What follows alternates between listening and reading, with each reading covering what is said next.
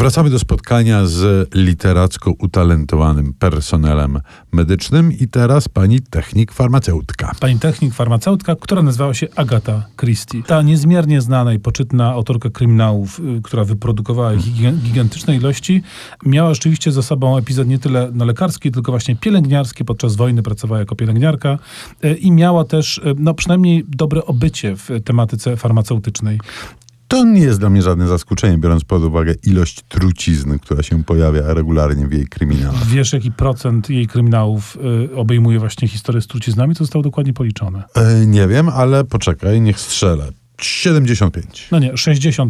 60% kryminalnych powieści Agaty Christie kręci się wokół y, ym, kwestii kryminalnych. Wyobraź sobie, Szymonie, że nawet jest taka książka specjalnie, nie, oczywiście nie wydana po polsku, poświęcona tematyce toksykologicznej. Napisała Z pani... przepisami?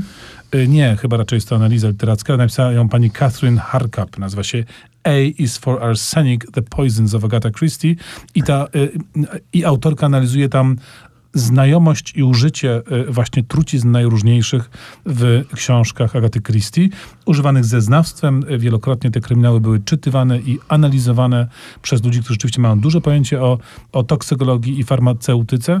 W związku z tym rzeczywiście nie da się ukryć, że ta, y, ta, te kompetencje ogromnie się pani Christie do jej pisarstwa przydały. Podobnie, ale chyba jednak nie aż tak bezpośrednio było z mm, lekarskim doświadczeniem Williama Carlosa Williamsa, czyli jednego z największych poetów Ameryki. E, to jest Amerykanin portorykańczyk, który w Polsce jest ciągle nie dość znany. Tłumaczony przez Julię Hartwig między innymi, czy Piotra e, Zomera.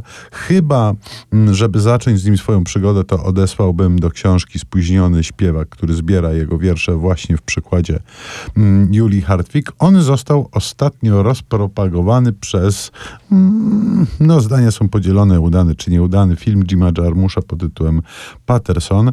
Natomiast wydaje mi się, że w dalszym ciągu przydałoby się go więcej w polszczyźnie. Ci z Państwa, którzy władają językiem angielskim, to odsyłam do lektury oryginałów. Szczególnie, że znaleźć w, wśród jego wierszy można sporo wierszy o tematyce, jakkolwiek by to nie zabrzmiało, lekarskiej. A pytanie, czy jego turpizm e, nie ma też jakiegoś medycznego podłoża.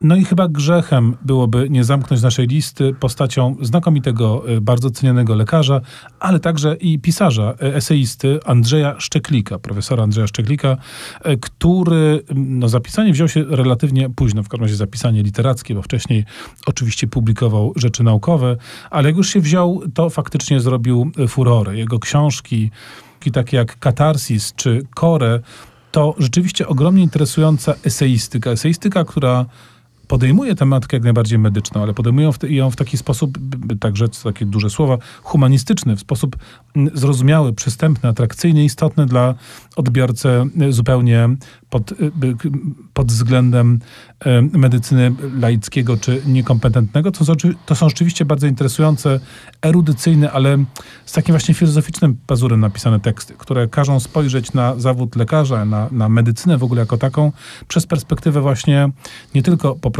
leczenia ludzkich ciał, ale takiego w ogóle, takiej w ogóle próby zrozumienia i zinterpretowania człowieka. Szczeklik rzeczywiście mm, jest postacią wyjątkowo interesującą i chyba zgoła odmienną, y, osobną na tle polskiej eseistyki. To prawda. Natomiast niesamowite jest to, że zobacz, te studia takie długie, później te dyżury takie e, długie, a jednak starcza czasu na pisanie. I bardzo dobrze okazuje się. Tak jest. Y, Za to też jesteśmy wdzięczni y, i z tego miejsca, stając na baczność, składamy hołd całej służbie medycznej, y, mężnie walczącej z przeciwnościami y, pandemicznymi y, i by muzycznie znowu wpisać się stosownie w tematykę, posłuchamy motywu z serialu Ostry Dyżur.